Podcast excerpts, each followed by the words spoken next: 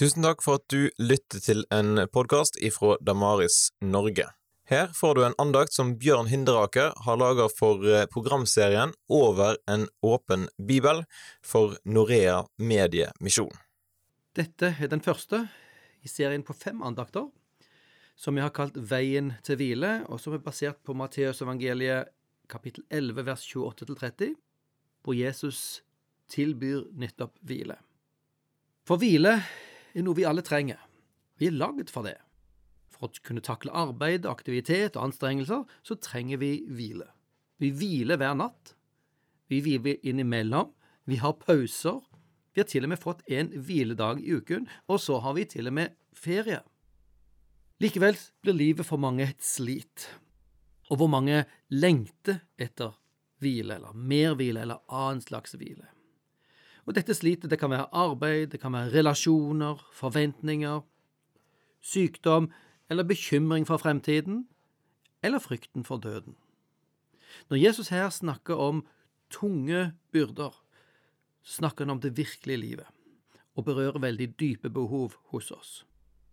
Og det er i den sammenheng at uh, Jesus gir en kjent og radikal invitasjon i Mattes evangeliet kapittel 11 vers 28, hvor han sier Kom til meg, alle dere som strever og bærer tunge byrder, og jeg vil gi dere hvile. Ta mitt åk på dere og lær av meg, for jeg er mild og ydmyk av hjerte, så skal dere finne hvile for deres sjel. For mitt åk er godt og min byrde lett. I denne første andakten vil vi fokusere på de første ordene i Matteus 11,28, nemlig de ordene Kom til meg. Vi er kanskje litt vant med sånne uttrykk fra Jesus. Kom til meg, jeg er verdens lys, osv., hvor han setter seg selv i sentrum. For det er noe som egentlig skjer gjennom hele hans karriere, hvor han utfordrer mennesker han møter til hva de tenker om han. Hva tenker dere om menneskesønnen, sa Jesus. Han sier til sine disipler, tror dere på meg, så får dere evig liv. Han sa når han talte at dere har hørt det jeg har sagt, men jeg sier dere og han snakket om menneskesønnen som for den ytterste dag skal dømme verden. Med andre ord, Jesus plasserte seg ganske konsekvent i Guds rolle i så mange ting. Og det er høyst uvanlig, og det er veldig radikalt. Jesus var ingen snill speidergutt som bare skulle lede gamle damer over gaten. Jesus provoserte. Han fikk mange venner, men skaffet også fiender, ikke minst blant eh, tidens autoriteter. For med sin måte å plassere seg på, så utfordrer han deres makt og deres tolkninger, og har satt seg selv i sentrum.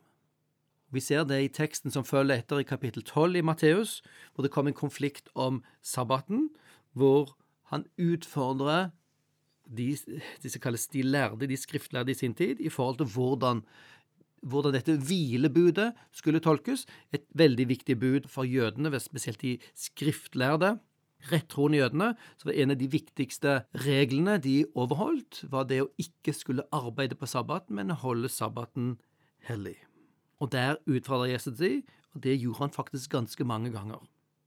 Og når vi ser på Jesus, Jesu karriere i lys av dette, så ser vi jo at Jesus endte sitt liv på grunn av sine påstander om seg selv. Hvis dere husker rettssaken mot Jesus, så husker dere at man kom med forskjellige typer anklager, og så var det ingen av de som satt ordentlig. De hadde ikke vitner på at han hadde sagt noe veldig galt, annet enn veldig sterke påstander om seg selv. Og det ledet til at ypperstepresten på slutten av dette forhøret utfordrer Jesus til selv å komme med en erklæring, hvor han spør er du Messias, sønn av den levende Gud? Og der kommer Jesus med nettopp den bekjennelsen. Ja, det er akkurat sånn som du sier. Og så drar Jesus det enda lenger, for en Messias er jo en politisk konge.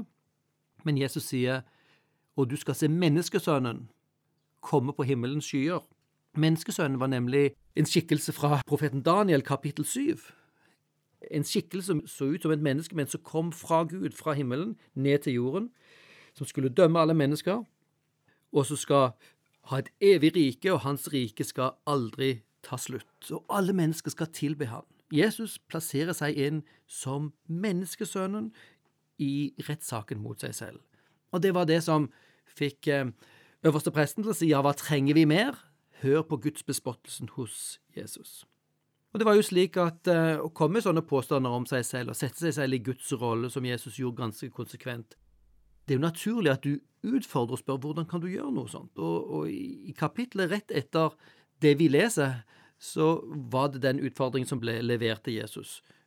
Av de skriftlærde, kom med tegn, så vi kan vite hvem du er, så vi skulle ha grunn til å tro på deg. Da sier Jesus noe ganske utfordrende til, til akkurat denne gruppen, som ikke var helt spesielt åpne akkurat for å tro på han. Eh, de prøvde stadig å sette feller for han.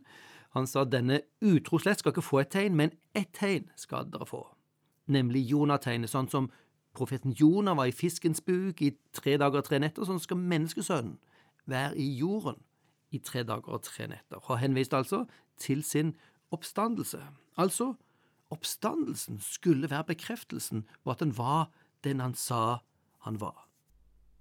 Og det merker vi en del av det som Jesu disipler og apostler sa i etterkant. I Romerne kapittel 1 vers 4 så sier Paulus at Jesus ble stadfestet som Guds mektige sønn ved oppstandelsen fra de døde. Altså, oppstandelsen er det endelige bekreftelsen på hvem Jesus var at han var noe mer enn bare en politisk leder, at han var faktisk Guds sønn.